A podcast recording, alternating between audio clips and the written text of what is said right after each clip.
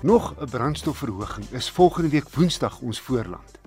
Die amptelike pryse word eers vroeg volgende week bekend gemaak, maar so sake nou staan, gaan petrol met meer as 'n rand en 20 sent per liter styg en 'n dieselverhoging van minstens 20 sent per liter kan verwag word.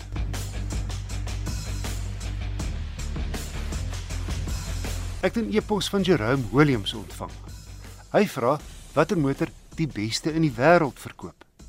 Jerome, as mens na verlede jaar se syfers kyk, was die Toyota Corolla die topverkoper met 1,12 miljoen eenhede.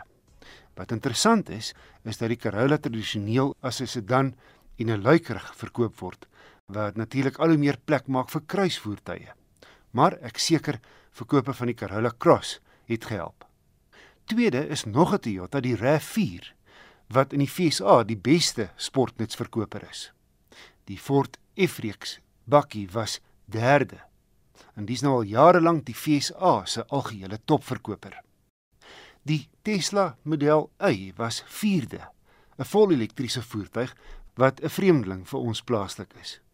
Terloops in China, die wêreld se grootste mark, was 22% van alle nuwe voertuie wat verlede jaar verkoop is, vol elektries. China se verkope verlede jaar net meer as 22 miljoen was dubbel soveel as die nommer 2, die FSA. En China verkoop nou 'n derde van alle nuwe voertuie wêreldwyd. Indië het verlede jaar die derde meeste voertuie verkoop.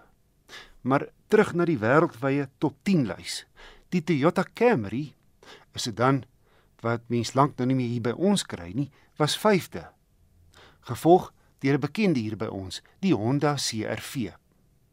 Nog 'n groot bakkie, die Chevrolet Silverado, was 7de. Die Hyundai Tucson 8ste en Suid-Afrika se topverkoper, die Toyota Hilux 9de. 'n Ander onbekende hier by ons, die Ram, was danksy Noord-Amerika se voorliefde vir groot bakkies 10de. Stuur gerus motornavrae na my of indien jy soos ander luisteraars Naamsa se verkoopsyfers maandeliks wil ontvang, laat weet my net per e-pos. My adres is wissel@rsg.co.za.